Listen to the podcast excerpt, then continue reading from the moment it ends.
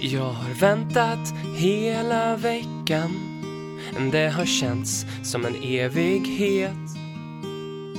Ledley Kings knäs podcast är det bästa som jag vet. Nu lutar jag mig tillbaka och knäcker en liten Prips. Podden i min trumhinna får livet att försvinna. Tack vare LKK så är jag inte så grov.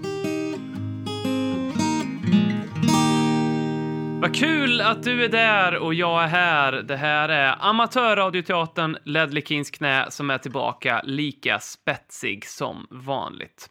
Robin heter jag och med mig för att dra ballen över gruset så har jag med mig från Sveriges finaste stad, solstaden Karlstad. Lamelamannen, kattälskaren, som delar initialer, lite kontroversiellt kanske, med Benson Manuel, den där eh, anfallaren i Burnley som inte spelade här sist. Ingen annan än BM, hur mår du? Jag mår bara bra. Det är en fin helg. Tottenham har varit bra. Eh, andra lag har varit mindre bra. Skratta och topp 6 skriver sig själv. Mm. Visst har det varit en... Eh, ja, vi, vi kommer till det lite senare i avsnittet här när vi ska skratta åt våra topp 6 eh, höll jag på att säga, men det menar jag inte alls. Eh, konkurrenter. men, men jag tänkte vi, vi, ska gå, vi ska gå rakt på sak här. Um, och jag tänkte, det blir bara du och jag idag. Jag tänkte att vi skulle, du ska få svara på en liten quiz. Mm. Vilken färg har vårt nya tredje ställe?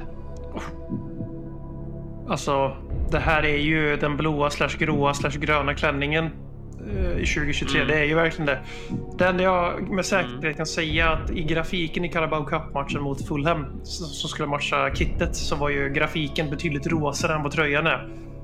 Och nu är det så här vag. Jag tänkte först att den var lite guldig, för jag har gjort en del guldaktiga grejer genom åren. Brunguldigt liksom. Men är det inte en riktigt dassig McDonalds eh, chokladmilkshake? Är det inte färgen på vårt matchställ? Jag tycker det är ganska bra svar. Det, det är ju, jag tycker det är märkligt för att när den lanserades så lanserades den som rosa. Alltså ja. man tänker på allt, all, annan grafik runt omkring den liksom. Fonten och typografin var rosa. Och sen så, då tänkte jag coolt att vi har en rosa tröja. Och sen så, fan jag såg det, rosa. precis som du sa, eh, den, är, den har olika färger. Men jag frågade i alla fall på våran Instagram våra lyssnare vilka färg, vilken färg de tycker att den har. Och då fick jag några bra svar. Eh, din eh, McDonalds milkshake är ju också bra där tycker jag. Men blekt rödvinsfläck var det någon som sa. Eh, köper det. Eh, blöt kartong. Ja, också väldigt ja, bra. Ja, det, det, det, det har något. Blöt kartongfärg. Ja. Eh, Mikael Einarsson skrev att det är den färg man får om man kastar in allt man har i kylskåpet i en mixer och kör den slät.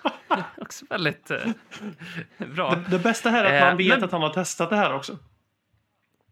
Ja, man kommer inte på det annars. Det, det, finns ju några YouTube-klipp tror jag. Jag kan tänka mig att han Mustiga Mauri har gjort någon sån där grej någon gång. Eh, druckit det. Eh, men det bästa förslaget, det som fastnade hos mig i alla fall, var ganska likt din. Det var ju, eh, nu har jag missat vem som har skrivit det, men eh, du, du vet. Robert Polin. smaklös, ja vi säger det, smaklös chokladglass. Den färgen är det. Tycker jag faktiskt eh, klockren. Ja, jag, jag säger ödmjukt att den var nästan lika bra som min. Eh, det var ju samma familj av eh, färgsortiment, men mm. min var mer målande och poetisk. Mm. Du sitter i en eh, bortatröja när vi spelar in här, vilket är kul. För jag hade tänkt fråga, vilket tycker du är det snyggaste bortastället vi haft? Ja, alltså jag gick ju in i garderoben och så kollade jag. Jag har ju nästan bara mm. hemmatröjor och sen en del 3D-tröjor för att även om jag alltid tycker det är pajigt utåt men så är det så att man blir ju kär i de här helt skräckartade konstverken vi pumpar ur oss just på 3D-ställen. Eh, så jag har betydligt fler 3D-ställ än eh, bortaställ. Jag hade bara tre. Eh, så jag började mm. googla tillbaka till Thomson-tiden och nästan hela vägen fram till i år. Och vi har en liten guldålder skulle jag hävda från 16-17 fram till och med den tröjan jag har på mig nu som är 18-19 borta stället. Det här, den tröjan jag har på mig just nu, det är inte så bra podd men det är ju eh, året vi går till Champions League-final eh, borta tror jag. Eh, Mm. och eh, det är Delle på ryggen och det är Champions League-batch på armen som Robin ser och sen på ryggen så är det Premier League-tryck för min kära sambo som har köpt den här till mig. Eh, Så det här är inte den snyggaste, utan den snyggaste var med i den eran. Den här är trea på listan efter eh, 15-16 när vi fortfarande hade Under Armour. När vi hade ett guldställ, tredje ställ, briljant. Jag ångrar att jag inte köpte det. Sen har vi ett fint marinblått Mm. mörkt eh, ställ med lite gulddetaljer. Eh, Så Mm, är den, fint. den är tvåa för mig. Och sen solklar etta är första året med Nike eh, där vi har superrena fina vita stället med skölden runt tuppen för White Hart Lane bla bla bla och så är den likadan fast blå på borta och så vita shorts. Det, det stället är 5 plus precis som hemmastället var. Så det är det bästa vi har haft i min levnadstid. Den, den mörkblåa bortatröjan 15-16 där, eller när det var, med gulddetaljer, den, den har jag. Mm. Och den är min värdemätare på hur fet jag har blivit över sommaren. För att den, jag blir aldrig så naken som när jag sätter på mig den. För då ser jag exakt hur min eh, torso ser ut. Jag har en Så att när jag tar på mig den, som är samma för mig. ja, när jag tar på mig den i liksom mitten på augusti, då vet jag hur mycket jag behöver eh, vara återhållsam eh, för att eh, tappa. Men eh, ja, jag eh, gick in och tittade och eh, slogs av att vad charmigt naivt det var för när vi typ kunde ha samma tröjor ett par säsonger. Ja, det hände ju inte i dagens fotbollsvärld. Alltså det är nästan bara att titta på vadå 91 till 95 den här tröjan? Brentford kör det fortfarande. De kör två år, i alla fall på förra Ja. tröjan. Det är, det är otroligt älskvärt. Löbers lila Respekt. Ford. Respekt. Men jag gillar ju eh, den här, jag gillar ju årets två andra tröja, Ja. den som vi hade nu mot Yes. Burnley. Den gillar jag skarpt. Och sen så gillar jag eh, den här som vi hade någon gång i mitten på 90-talet som har sålts nu som en retrotröja. Den är gul med Mm. blå eh, och Du- har så har den några blåa, det det är Packard nästan på, som en på bröstet? Eller som Nej? Holsten på bröstet. Ja, Holsten. Eh, Holsten. Och sen är det blåvita eh, streck uppe på höger axel. Eh, kragen är blå också. Den tycker jag är ruggigt, eh, ruggigt snygg. Eh, snyggaste bortatröjan.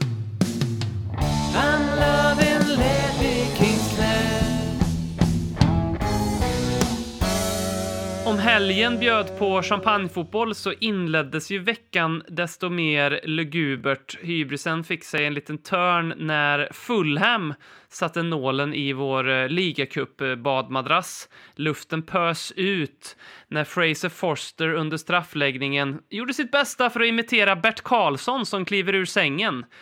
Eh, jag tyckte det var väldigt kul att någon i publiken skrek “Timber!” eh, varje gång det blev straff. Va, hur tycker du att eh, Ange hanterade Fulham-matchen? Ja, alltså det är ju svårt. eh, Det är ju först och främst viktigt att poängtera här att Ledley Kings knä är en jävla vinnarpodd. Vi, vi blir ingen guldsköldominering, då hör ni inte mer från oss liksom. Eh, Vi, är, vi prenumererar på att vinna för att vinna och komma topp fyra, som ni alla vet. Eh, Men eh, Mm. det blir ingen nyckelring, det är det första. Det är ju underkänt såklart. Jag såg fram emot att fylla på med en Carabao Cup Finalist eh, nyckelring. Eller hur? Jag har ju bara jag, två, jag tre stycken. sju sådana. Ja, ja, jag har bara Ja, två, tre jag stycken. Liksom. såna. Jag vet inte varför jag gjorde det, men det gjorde jag. Och eh, så här, så här liksom, vi satt ju i slutet på förra podden och så fick vi väl, vi, Peter var det väl som drog liksom en, vad han trodde elvan skulle vara. Och den var ju ganska betonad men inte riktigt så här betonad. Alltså det här var ju lite så, som jag brukar tycka om att kalla för Fifa-rotation. Eller football Mm. manager kanske också. Men eh, att eh, byta ut alla förutom van de, van de Ven och eh, vem fan var det mer som hängde i? Richarlison var det. Det var de två som var kvar från Mm. ligan matchen innan liksom. Eh, Och där vi kan nästan utgå från att de är kvar för det finns, finns inga alternativ i truppen riktigt. Eh, Och Mm jag köper det Ernst säger. Att så här, någon gång måste jag se dem spela. Och han gjorde ju samma sak på försäsongen med en tydlig A11 och en B11. Och då såg det ju faktiskt oftast bättre ut för B11. Eh, men det är samtidigt kanske en 90 läropeng för honom att i England hur bra den har sett ut på försäsongen med B11 och spelat ut Barcelona så det sjunger om det liksom. Eh, så är det inte riktigt, du kan inte göra så mot Premier League-motstånd. Alltså, eh, Fulham har ju inte heller ett helt ordinarie lag, men det är mer ordinarie än vad vi har. Eh, och Mm. då håller inte vår, alltså vår trupp är inte bra nog för att slå ett lag när man samtidigt ska liksom spela ihop sig. För nu har det ju gått ett par veckor liksom sedan de spelade varannan, en, en halv match i veckan. Liksom. Och det märktes Mm. så jävla tydligt. Och sen eh, ska vi komma ihåg här att det blir oavgjort efter 90 minuter med vårt B-lag mot Fulham. Och liksom, det kan ju gå sämre. Och hade vi vunnit straffarna så hade han hyllats för det. Liksom. Så att det är faktiskt viktigt för mig i min, i min bok att ta med det i beaktning. Liksom att ja, det blir oavgjort. Fulham kanske förtjänar att vinna sett till målchanser. Eh, Men det var inte så att vi torskade med 3-0 och inte hade en chans. Utan det är på straffar vi förlorar. Liksom, och eh, ska inte hänga enskilda spelare i en straffläggning för det är ganska mycket lotteri. Men det är svårt att komma runt kylskåpet Fraser Forster där. Alltså, för det var Vad alltså, han höll på med. alltså Nej. han Eh, försöker ju för fan inte ens rädda straff.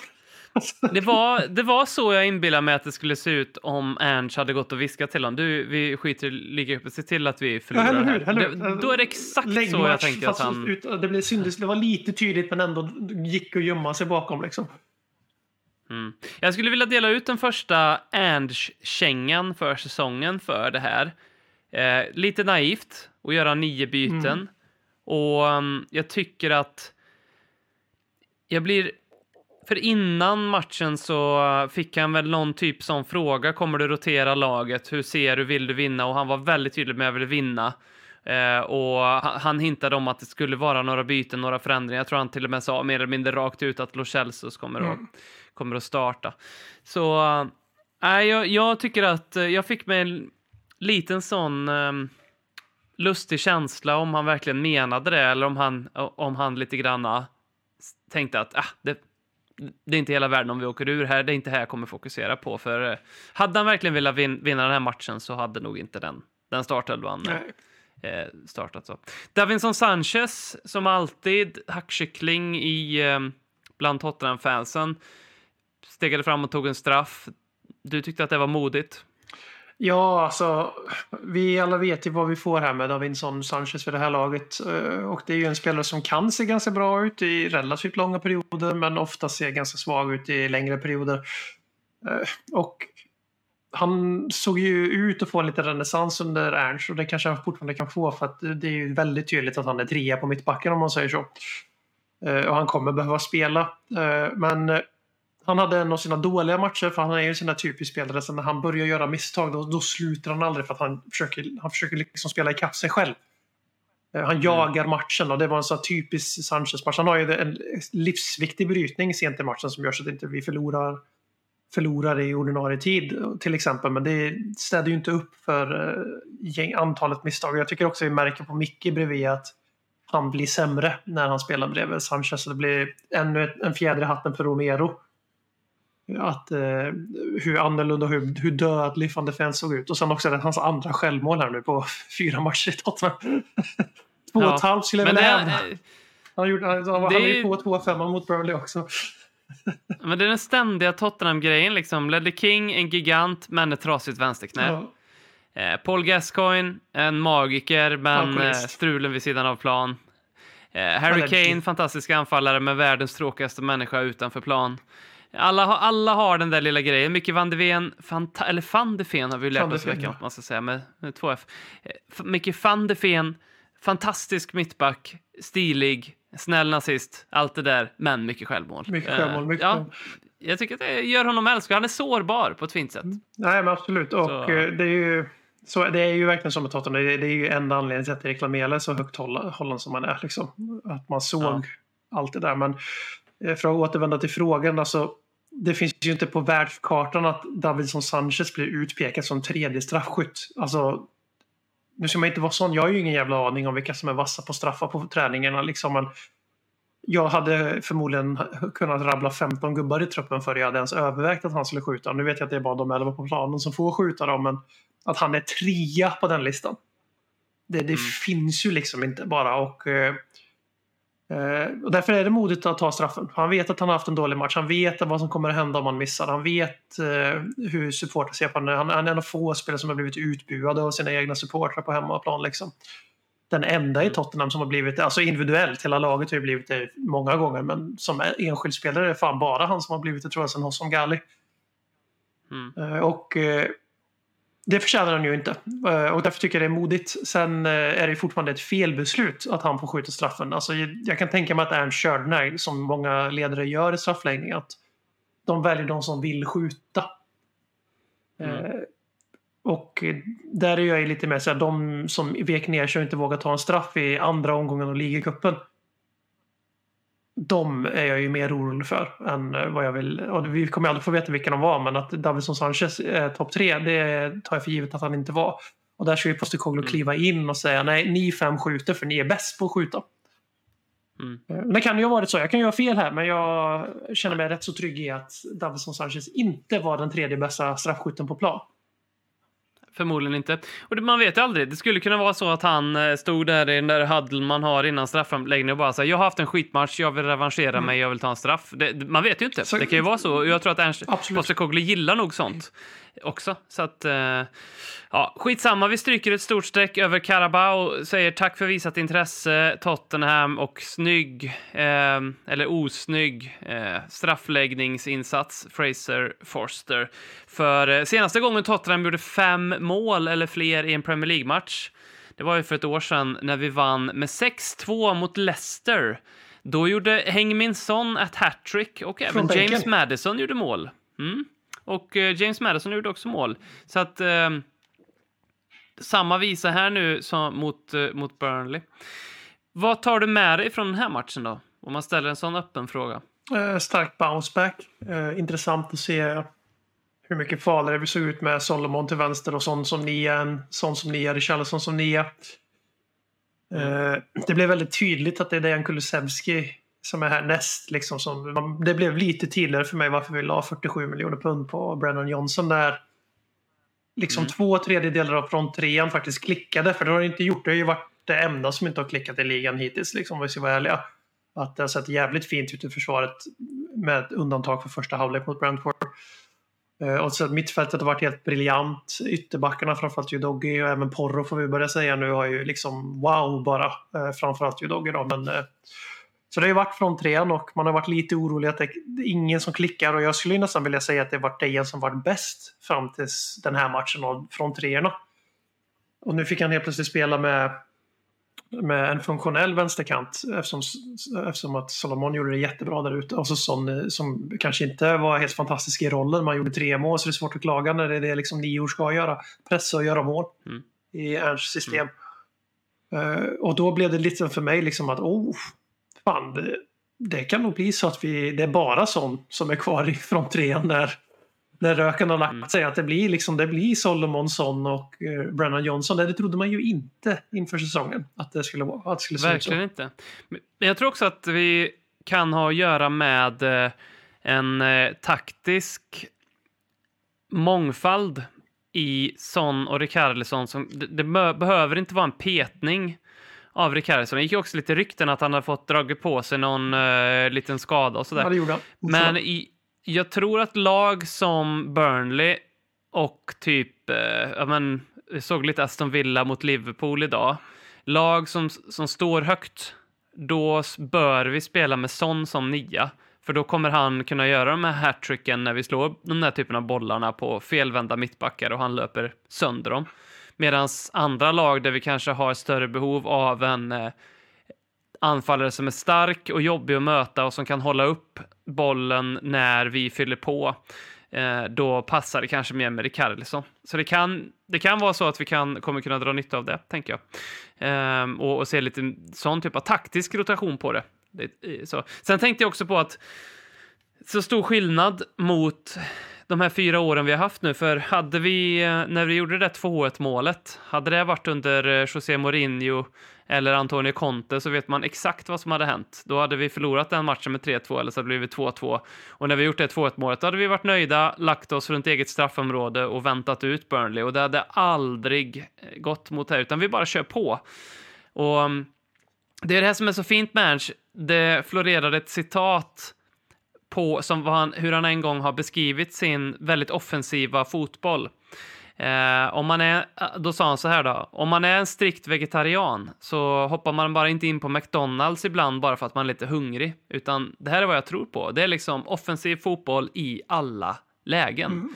Och vi ser prov på det. Han eh, höll på att glömma vilken match det var när han var sur för att vi, vi ledde och slog av på takten sista fem minuterna. Shakhtar sista uh, träningsmatchen för A-laget. Så var det ja. Ja, så var det Så att det är ju liksom verkligen, det börjar bli tydligt att hans filosofi är anfall, anfall, anfall. Verkligen den raka motsatsen eh, mot vad vi har, eh, vad vi haft. Väldigt, väldigt stoiskt.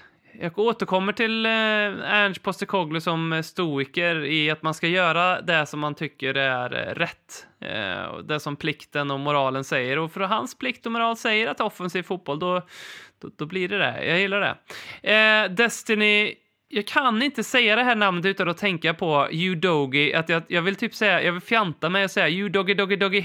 Ja, men han får skylla sig själv lite eftersom att han uh, har, har sagt till brittiska journalister att det är Udogi.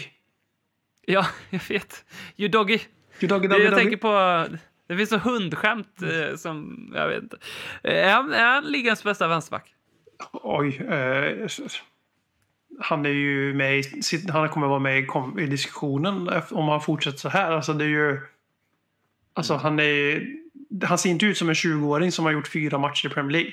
Alltså det är nog för att han har gjort två säsonger i Serie A redan. Så det är inte så, alltså han är ju en talang utöver det vanliga liksom. Det är väldigt tydligt. Men eh, alltså det är många som gillar att snacka upp det där liksom, att det är så jävla svårt att bara Premier League, man måste vänja sig, bla bla bla. Det här är fan inte som random jätte, jättebra liga. Det finns många lag som är bättre än Premier League-lagen liksom. Mm. och jag menar, vi, våran backlinje är väl ett ganska bra exempel på det. Att, eh Romero kunde inte spela en fyrbackslinje, det var omöjligt trots att han gör det i Argentina. Det, var, det var, skulle bara inte gå. Eh, Porro kan inte vara högerback, det är omöjligt. Eh, mm. Och van de Ven kan ju inte spela, liksom, det kommer ta tid för honom att vänja sig från jävla dassligan, Bundesliga och Judogge han är ju knappt år bakom öronen nu så det går, ja, gick rätt bra. Uh, mm. Så att han är ju läskigt bra och när vi liksom, när vi, när vi ser honom, han, han är ju bara 20, han kommer ju ta kliv, han kommer ju bli bättre än det här. Alltså, vi, vi snackar ja, vi snackar Real Madrid-kaliber alltså.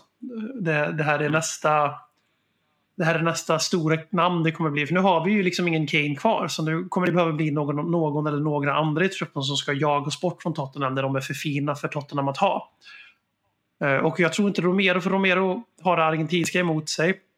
Han har redan många fiender, liksom, både i media och framförallt bland andra supportrar. Han kommer aldrig uppskattas riktigt för den för hur bra han är. För att han är för grisig liksom. Det är bara att kolla på hans 2-1 mål. Det är ju, vad fan är det för jävla avslut av en mittback? Liksom. Det. Ja, helt otroligt. Eh, och sen är det ju, Madison är för gammal liksom. Det kommer inte bli det här att han ska jagas bort till ett ännu större platå. Nej. Det är möjligt att alltså, City kanske blir avsugna om två år, vad vet jag. Men han, jag, tror, jag ser inte det här Kane-narrativet kring honom. Eh, och ganska snabbt så landar jag i, liksom, i att det är bara Udogi som har det. Att det är han mm. Eh, som ska jagas bort från Tottenham om två säsonger max. För att han är för bra för Tottenham och bla bla bla. bla, bla. Eh, han är läskig helt enkelt. Mm. Han kommer att vara vår nästa... Jag satt faktiskt och tänkte på det, för vi hade ju Bale, vi sålde honom för en miljard och köpte sju spelare.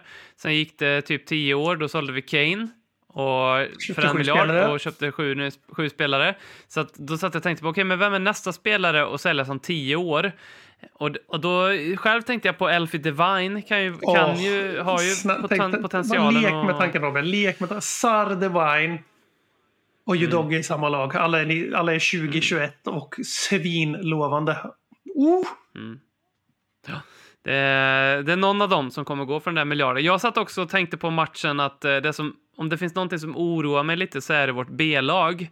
För eh, så fort Skip, Höjbjer kommer in, Emerson Royal kommer in, då tappar vi ju väldigt mycket. Mm. Och det såg vi inte minst mot Fulham, men det såg vi mot Burnley också. Det, det där... Äh, ja, 2-5 målet, så, himla onödigt att släppa in liksom. Då, det, blir, det blir darr direkt och det är man vill ju inte ha det, man vill ju kunna sätta in spelare för att kunna stänga en match och sätta in några fräscha, men, men det är ju tydligt att liksom våran första elva, eller inte våran första elva för fronttrion är fortfarande up for för, för, för grabs. Men eh, backlinjen och det ja, centrala mittfältet behöver verkligen sätta sig. Från målvakt fram till, till och med Son så är det ju tokgivet. Mm. Son kommer ju givetvis att spela väldigt mycket. Han blir inte lagkapten av, utan anledning.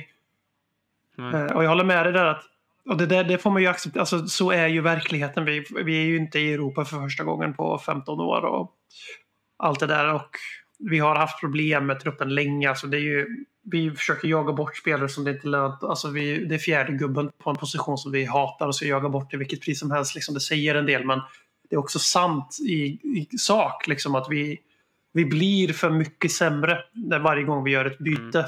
Mm. Och då vill jag vara till med Skip och Höjbjerg är ju absolut inte dåliga truppspelare i Premier League. Det är bara ganska tydligt att de inte kan spela Ernstboll ens i närheten mm. på samma nivå som de som spelar framför dem. Eh, Lo Celso ligger före båda två ganska mycket i den här, i den här filosofin, tycker jag märks, även om han blir utbytt i paus då mot Fulham. Eh, efter att han blev karate-sparkad i bröstet av Palinja och fick frispark emot sig. Och sen så tackade han ju nej till landslagsspel på grund av småskadan som uppstod. Alltså det, ja, om, otroligt. Det är, alltså, ja. fattande, om ni undrade hur mycket, hur mycket spelarna älskar Ernst, där har ni det ultimata ja. beviset. Men mm. och jag tycker lite samma som du där att vi släpper in ett onödigt mål, vi blir lite sämre, blir lite långsammare, går lite lägre. Det är många som tänker istället för att göra. Uh, och jag blir framförallt orolig liksom så här när Madison och eller eh, Bissoma, båda de två spelar på samma lag, dels, och, men också en Udoggy. Plocka de mm. tre, eller en av de tre, och vi blir så markant mycket sämre i det här spelsystemet. Så att jag mm. blir orolig. Och det, då är ändå där jag skulle hävda att vi har våra bästa backups. Alltså Höjberg på papper är ju jättebra backup. Bissoma. Mm. Men han passar inte in i mm. den rollen alls. För att man ska ju inte, till man ska inte bara skölda, man ska ju vara nere och hämta boll i knät på målvakten. Ta sig förbi första pressen. Det är ju Bissomas roll. Det klarar inte mm. Höjbjerg av, så vi använder honom som åtta istället. Mm. Kanske Bentancourt, men han är väl för bra för att sitta bänk. Om man kommer tillbaka i gott slag. Lo Celso passar jättebra in i den här fotbollen, men han kommer knappast komma upp i Madisons nivå. För Madison sen är en av Premier Leagues bästa spelare just nu. Mm. Uh, Udogi älskar Ben Davis. Han, obegripligt att han får skit konstant. Perfekt truppspelare. Men han är alltså... Jag vet att han gör han blir tillsagd på vänsterkanten men han är inte Udogi alltså. Nej. Så att, jag håller med dig. Det, man blir lite orolig. Om vi ska knyta upp säcken här nu då med ännu en seger i Premier League eh, och vi ställer oss frågan, går det för bra? Är det för bra för att vara sant? Finns det någon... Finns det något, något man kan oroa sig för med att vi fått den här lite för bekväma starten och vad är det som, vi ställde oss den frågan förra veckan, vad kommer ta oss ner på jorden igen? Och jag, eh, jag kan vara lite rädd för att vår eventuella hybris, inte vår supportrar då, för den kommer ju efter att vi vinner en match, spelar ingen roll när, men, men om spelarna får den där lite hybrisen att man går ut kanske mot ett Sheffield United på hemmaplan nästa vecka liksom, inte nästa vecka, men eh, om två veckor när det är efter landslagsuppehållet och går ut och bara liksom okej, okay, det är nykomlingar, de har inte vunnit en match hittills, vi är på hemmaplan, yes, alltså, och sen så bara, oh, får man lite bryskt uppvaknande sådär. Eh, stoicismen som jag gärna å, eh, återknyter till ibland. Eh, den, den filosofin går ut på att man, ska ba, man kan bara man kan bara hantera sina egna känslor och sina egna actions för saker och ting. Så därför får man bara köpa att eh, död och lidande, det kommer att hända och det bästa som kan vara det är att man bara kan vara väldigt likgiltig inför det. Den går ju till och med så långt som den säger att varje kväll när du nattar dina barn ska du viska till dem imorgon är du död. För att du ska vara beredd på att det kan hända. Det, så säger, det, finns, det är faktiskt historiskt. Så att jag har börjat tänka sådär på Tottenham nu Ja, om två veckor får vi stryk mot Sheffield så att man liksom eh, ja, inte blir för uppriven av lidandet när det kommer eh, en 0-1 på hemmaplan mot, mot Sheffield. Men vad känner du? Går det för bra?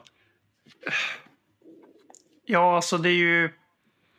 Det finns väl en del motståndarsupportrar som försöker dra några lata, enkla jämförelser med Nunos första månad. Eh, den stämmer ju inte lång väg, men eh, det är på riktigt nu. Men det jag är orolig för att vi har ju sagt att vi bygger om. Vi säljer Harry Kane.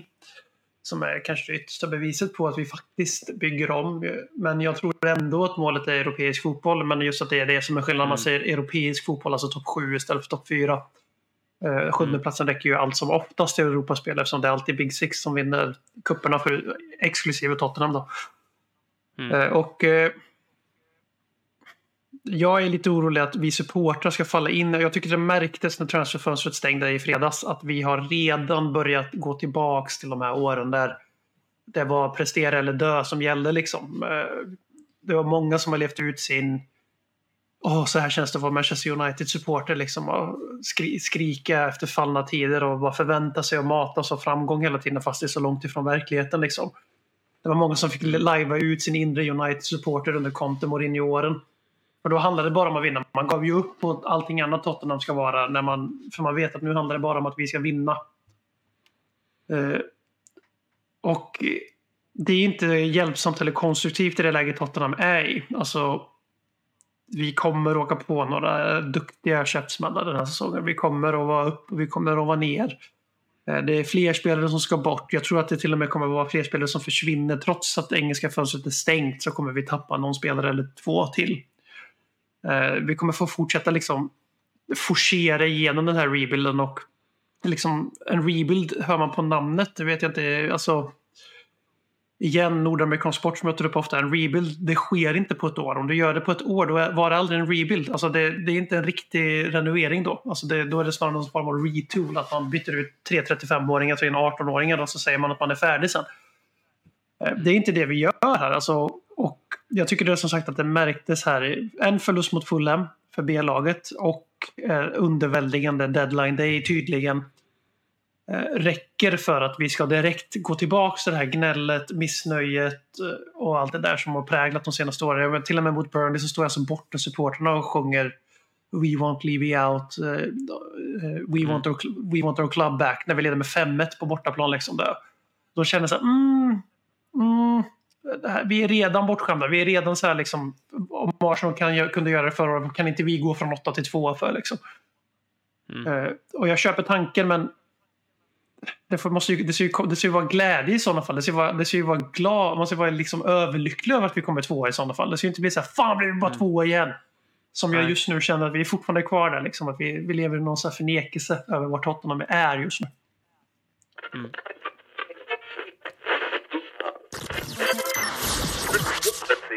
Du lyssnar på Ledley Kings knä. Du kommer aldrig bli dig själv igen.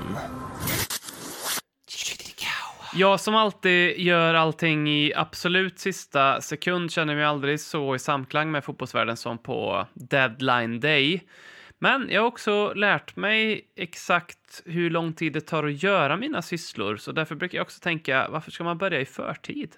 Så till alla er andra som eh, prokrastinerar där ute så säger jag bara omfamna det. Vi är som heroinisterna, vi skjuter upp våra problem och vi är nöjda och glada med det. Vi har haft en eh, deadline day som BM var inne på här förut eh, och vi ska väl också knyta en liten säck här. Vi har gått ifrån ett av ligans äldsta lag till eh, det näst eller tredje yngsta på ett fönster. Mm. Men eh, jag tänkte börja med, vet du vad likheten mellan Tottenham Hotspur och en hudcancerpatient är?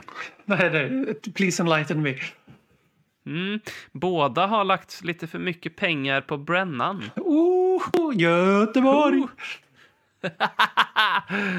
den, ja. Där kräver vi en recension av Peter sen när han, när han hör det här. Ja. Nej, men eh, om jag säger så här då. Tycker du att eh, Daniel Levy har visat ambition det här fönstret? Alltså, ja, givetvis.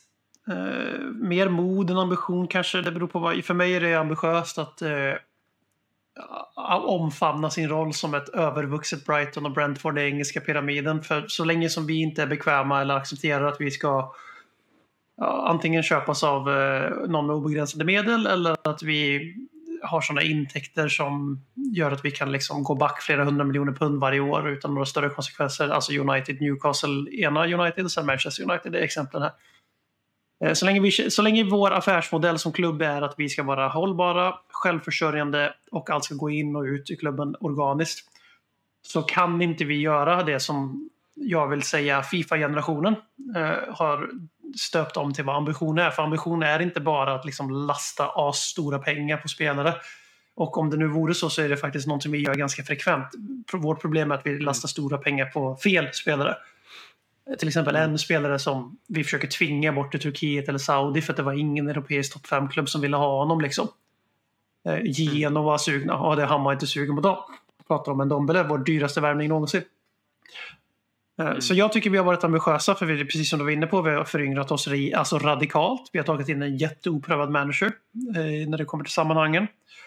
Eh, vi, har, vi har omfamnat en alltså, radikal omvändning taktiskt. Alltså alla det här, allt det här jag säger nu är liksom the recipe for disaster. Vi borde ju bli tolva. Vi borde vara Chelsea förra året med allt det som beskrivs. Liksom. Eh, Det kanske vi Mm. fortfarande blir, men det ser inte ut så. Eh, Och för mig är det ju jätteambitiöst. Sen...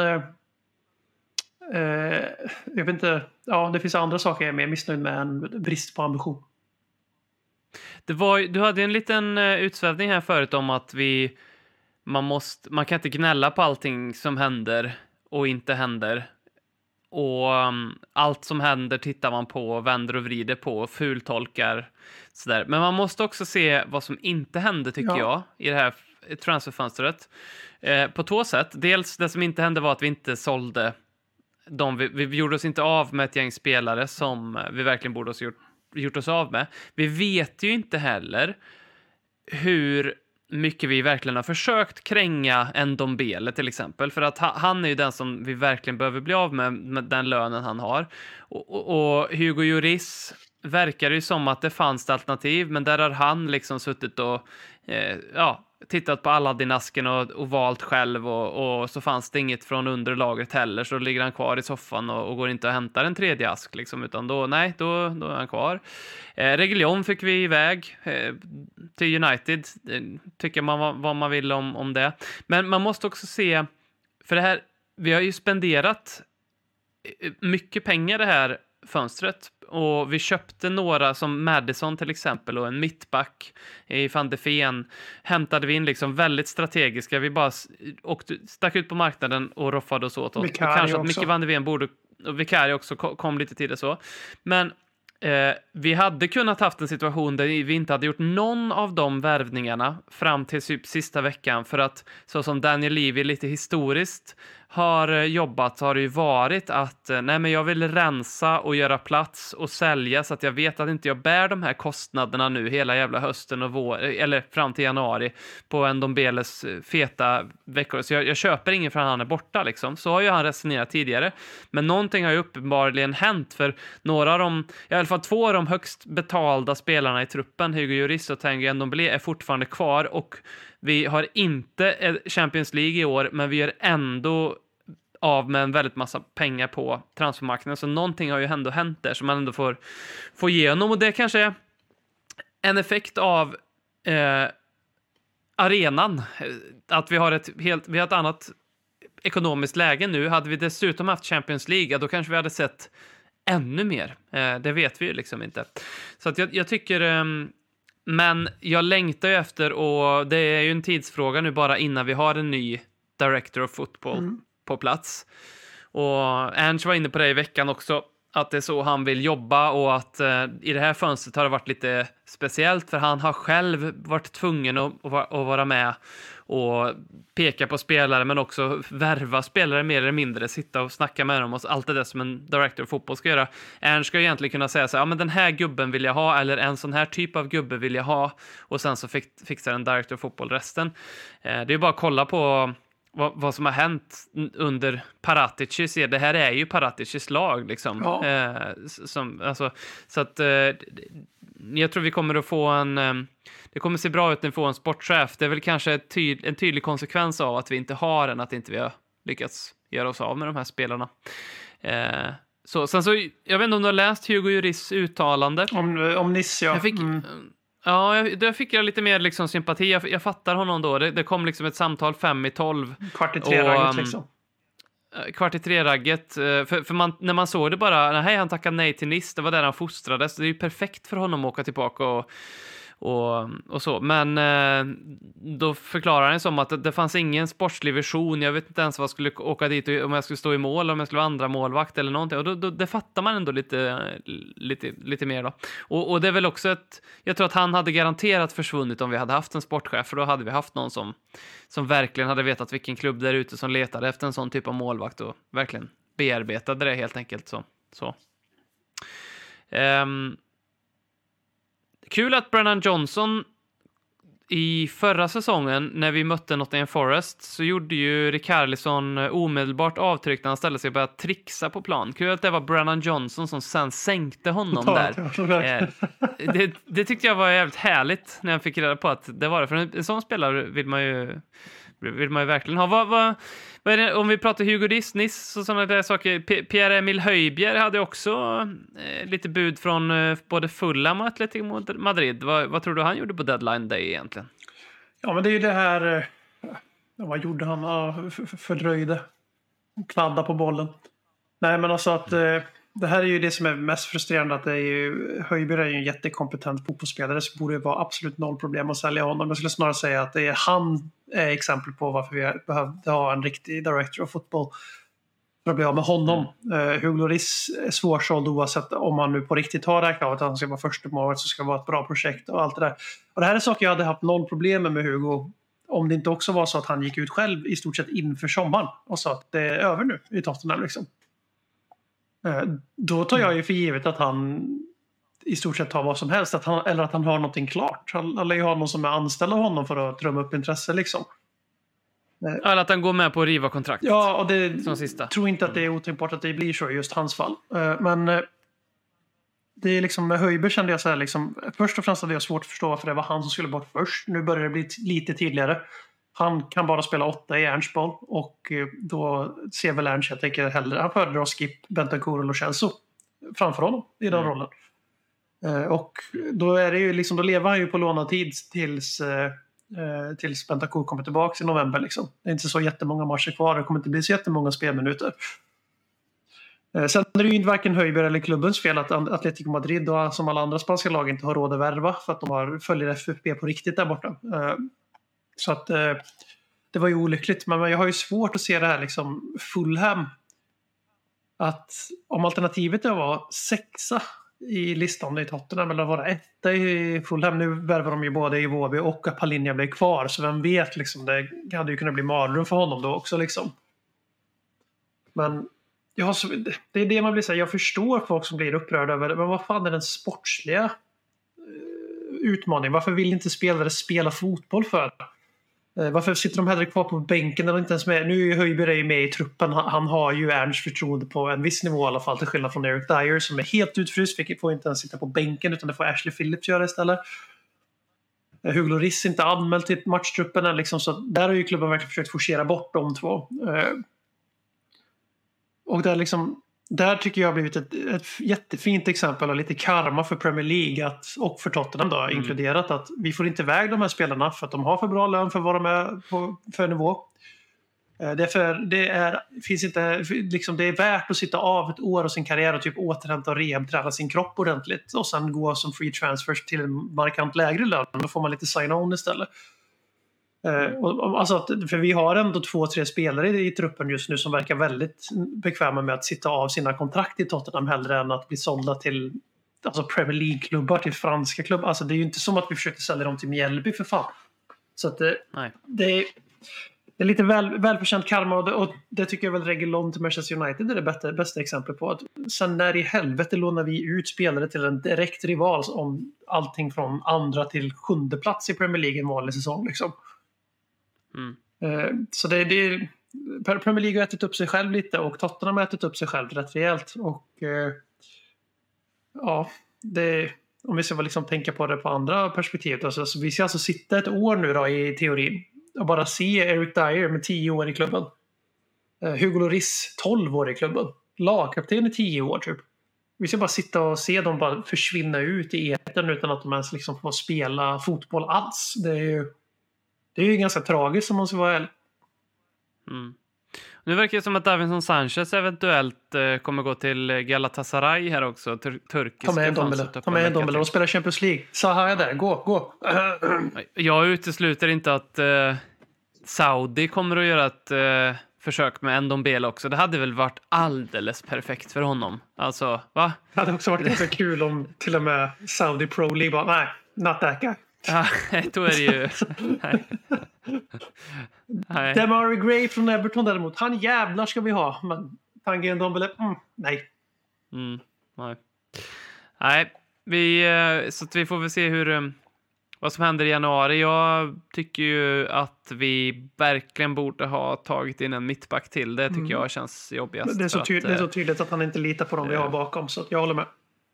Ja, och han sa ju till och med en gång eh, i en presskonferens för ett tag sedan att men vi, vi, vi, vi behöver en till mittback. Sen så kan det ju vara så här, Ashley Phillips som vi värvar från Blackburn var på bänken här nu senast mot Burnley. Det kan ju vara så att han har blivit imponerad av honom på riktigt, för han verkar ju vara en stor talang och bara, nej, men vi, vi kör på honom som, som tre eller fyra här. Eh, det, men eh, jag hade varit, eh, jag, hade, jag hade velat att vi hade gått för, för en, eh, en mittback till.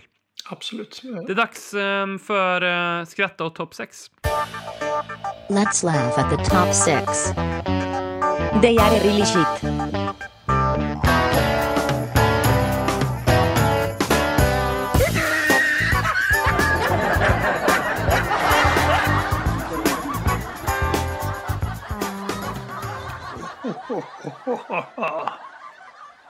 Jaha, och eh, vad har du hittat i din skratta topp top 6-låda den här veckan då? Ja, det finns många. Tar, vi tar bort några, tar några små först. Du, lyckas ju säga det här för en vecka sedan, men jag kan ju lägga till en detalj i alla fall. Och det är att du skrattade ju lite i, eftersom att du var väldigt snäll och förlåtande och respektfull mot Manchester Uniteds hanterande av Greenwood.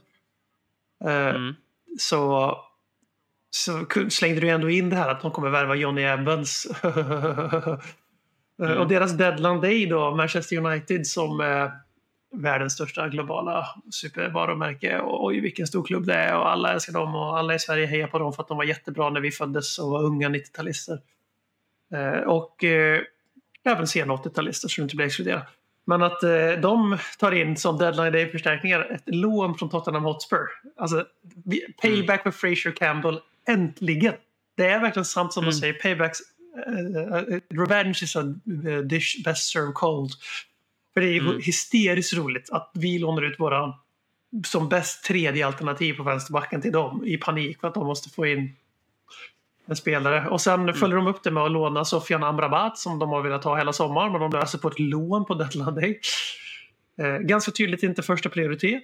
Och sen eh, grädde på moset, Johnny Evans som också kliver in på plan idag med Harry Maguire som mittlås. Och då står det alltså 1-1 i matchen. Och den mm. matchen slutar 3-1 till Arsenal. Så jag skrattar lite mm. åt Manchester United. Men jag, sen sparar jag en och ser om du har något roligt. Ja, men eh, vi kan ju inte inte nämna Chelsea när vi gör det här.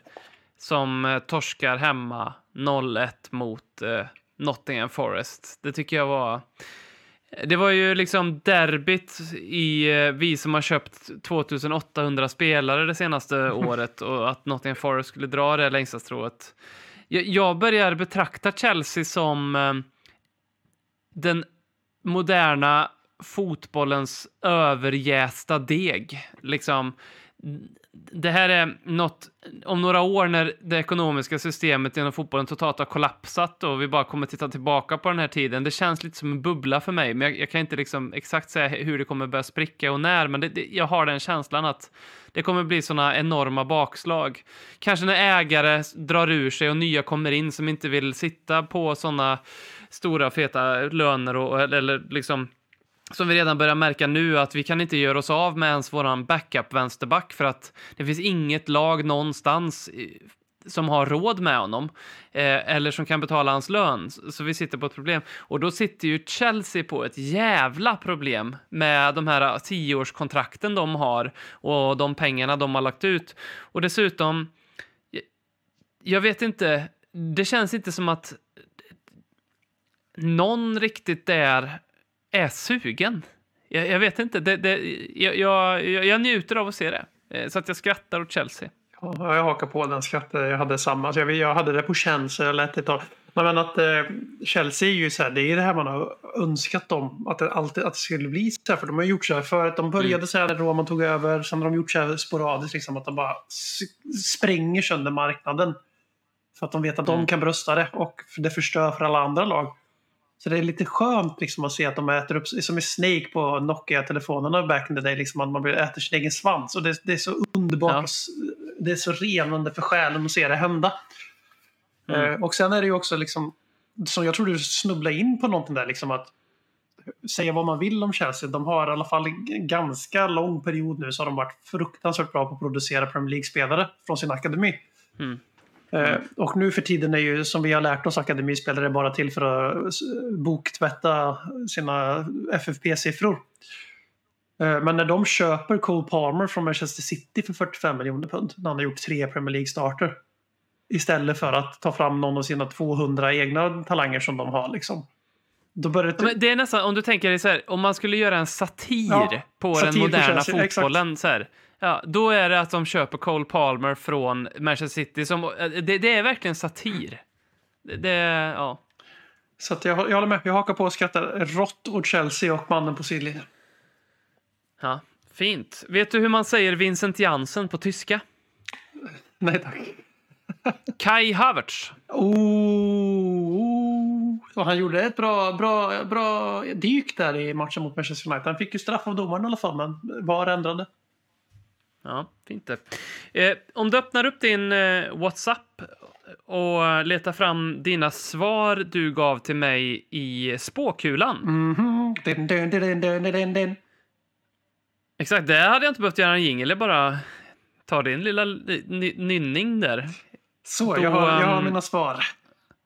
Bra, för då är det så här att jag har skickat dig sju frågor och eh, som man bara kan svara ja eller nej på. Och eh, då har vi gjort det nu och vi gjorde detta i, eh, innan elvan kan man säga för Burnley-matchen togs ut. Och vi ska följa de här sju frågorna under hela säsongen. Vi gör, tar en liten temp på de här i december kanske och sen så får vi se mot slutet på året hur många av de här vi hade rätt på. Då. Så då svarar du först och sen svarar jag vad jag har svarat. Mm -hmm. Eh, Hugo Lloris höll i snitt 13,3 nollor per säsong i Premier League. Kommer Vicario ha fler än 13 nollor i Premier League denna säsong? Nej. Nej, har jag också sagt. Det blir kul om vi har svarat exakt samma på alla sju. Eh, Rikarlison har gjort som mest 14 mål en säsong i Premier League. Kommer han göra 10 mål eller fler denna säsong i Premier League? Ja, 10. Och jag säger nej. Bra, då har vi den i alla fall. Kommer Pedro Porro ha spelat, eh, och med spelat menas framträdanden här, fler Premier League-matcher än Emerson Royal? Ja, och han kommer även ha fler minuter. Ja, jag säger också ja. Kommer Bentancourt göra fler matcher totalt denna säsong än Pape Matar Nej. Säger också nej. Kulusevski gjorde 13 poäng första säsongen, 8 andra. Kommer han göra 10 eller fler den här säsongen? Jag sa fler, sen köpte vi Brennan Johnson. Ja. Så du sa ja? Ja, jag sa ja, ja, men jag, jag kommer göra fler poäng. Yes. Jag, har, jag, har nej, jag har nej på den. Mm. Jag tror inte det. Då har du två negativa Kom. tips och jag har två positiva tips som ligger i din fördel som det ser ut med truppmässigt just nu. Kommer Tanguy Ndombele göra en minut i Spurs i Premier League eller FA-cupen denna säsong? Nej. Jag säger också nej. Och sen sista då. Spelar vi i Europa nästa säsong? Ja! Rungande jävla ja! ja. Vi blir ju sjua såklart. Process, progress. Ja. ja. Så går vi för konferensligan nästa år. Om West Ham kan måste jag för fan vi också kunna göra det. sant. Så jävla sant. Så jävla sant. Ja, ni har eh, njutit av ännu ett avsnitt av Ledley Kings knä. Ni får jättegärna stötta oss genom att gilla eller dela avsnittsinlägget så att podden får spridning. Tack så jättemycket för eh, alla interaktioner på sociala medier i veckan. Vi hörs eh, om en vecka igen, för vi är ju som alltid, som vi har gjort i tio år, här för er varje vecka. Tack och adjö. Mate. Konsekvent, inkonsekvent Det bästa som någonsin hänt. Du kommer aldrig bli dig själv igen min vän. Här flödar hybrisen. När vi poddar på nytt igen. Du kommer aldrig bli dig själv igen min